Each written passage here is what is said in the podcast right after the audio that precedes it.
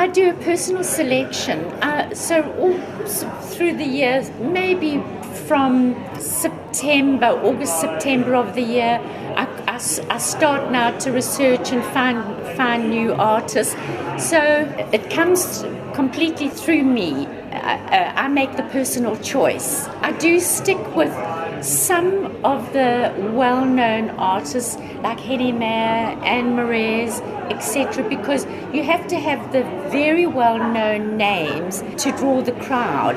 Then I add, then I take away and I add. For example, this year I've got 12, 12 new ceramics, and some I've put to one side, and then maybe like the one ceramist Rika Herbst. She was exhibited at the very first exhibition, and I invited her again this year. But all the time, I am looking for new artists, and it's me. I decide. Tanya wat die uitstalling geopen het, sy is een van die kunstenaars het gesê dat jy jy het vuur en jy het klei nodig. En dit klink so eenvoudig, maar dit is eintlik baie harde werk.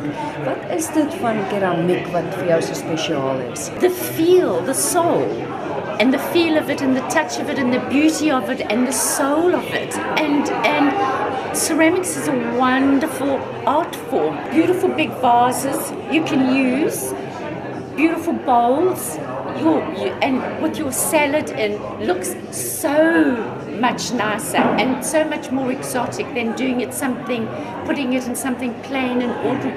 It is the, the soul that's gone into it and the love of, of it.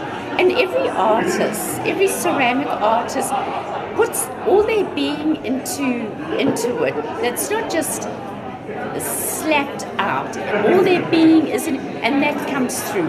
They, they, they aren't angry people. They're all good people, and that comes through. So it's everything that comes through with it makes ceramics so very appealing, bigger art form. Hier's ja. geweldig baie kunstenaars betrokke by die uitstalling en dis 'n groot verskeidenheid. Hoekom sou jy wou hê moet luisteraars die moeite doen om dit te kan sien?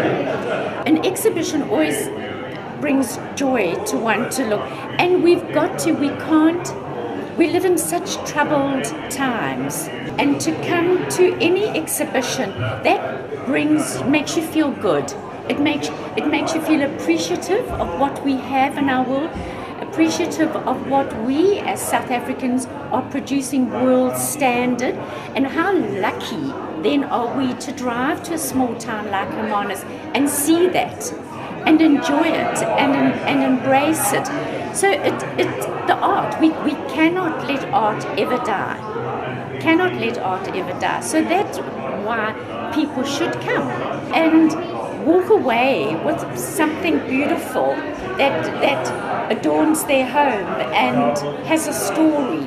And I went to the FynArts arts exhibition and this is what I bought. And there was so much more I wanted to buy but this is what I decided on. So it all has a story. So it's it's about not letting art die